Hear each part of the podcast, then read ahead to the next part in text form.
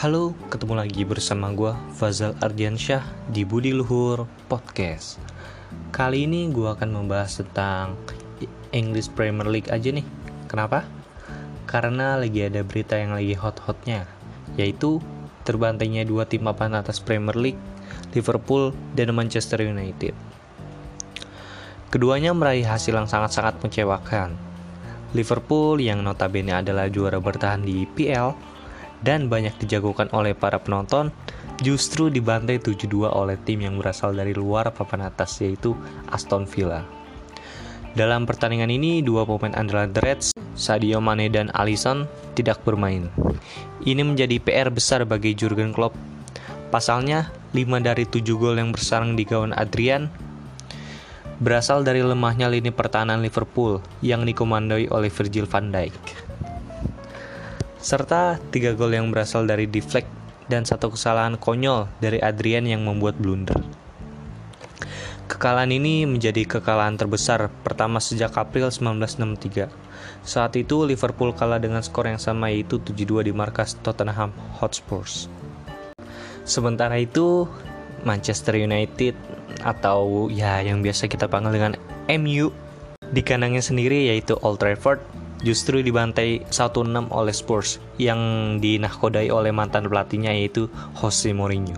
Pada laga ini striker utama Red Devils Anthony Martial mendapat kartu merah. Martial mendapat kartu merah usai tertangkap kamera mensikut pemain Spurs yaitu Eric Lamela. Di laga ini pun kapten MU Harry Maguire mendapat sorotan akibat blundernya serta kepemimpinannya yang dilakukan oleh beberapa fans MU.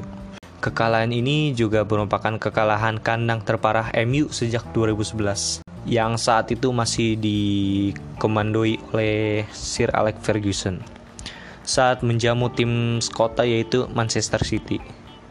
Dengan kekalahan yang memalukan bagi kedua tim tersebut, sampai-sampai di media sosial nih ramai dengan kata-kata tetap kawal 72 dan 16.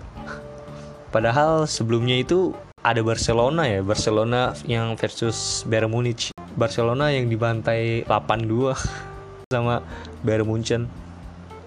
Itu awal mula dari situ tuh, tetap kawal. Kasihan banget ada-ada aja dan netizen. Langsung nih, kita beralih ke tetangga MU, yaitu Manchester City, yang mendapat hasil kurang memuaskan juga. Pasalnya, tim asuhan Pep Guardiola ditahan imbang oleh tim promosi, yaitu Leeds United dengan skor satu sama. Tim asuhan Pep sempat unggul lebih dulu berkat gol dari Raheem Sterling, sebelum dibalas oleh Leeds melalui gol Rodrigo. Dan hasil lainnya yaitu hasil bagus yang diraih oleh dua raksasa IPL asal London yaitu Chelsea dan Arsenal. Chelsea berhasil meraih hasil maksimal di kandangnya sendiri yaitu Stamford Bridge. Crystal Palace yang menjadi tim tamu habis dilumat The Blues dengan skor 4-0 yang masing-masing dicetak oleh Ben Chilwell, Kurt Zouma, dan dua penalti dari Jorginho.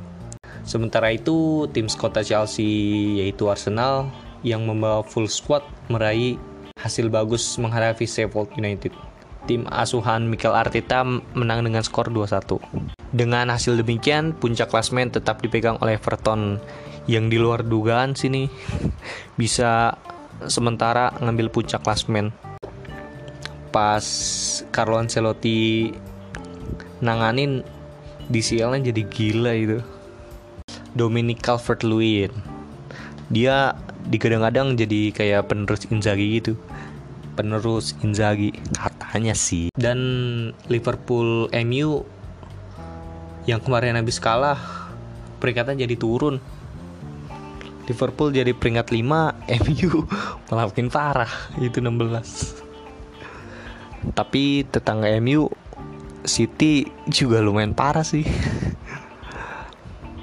Di posisi 14 nah ini si Arsenal dan Chelsea lumayan sih Chelsea ada di peringkat 4 Arsenal di peringkat 7 ya nggak malam-mulin banget sih daripada tim Manchester Oke, demikian podcast kali ini. Sampai bertemu lagi dengan gua Fazal di Biduluhur Podcast. See you next time. Bye bye.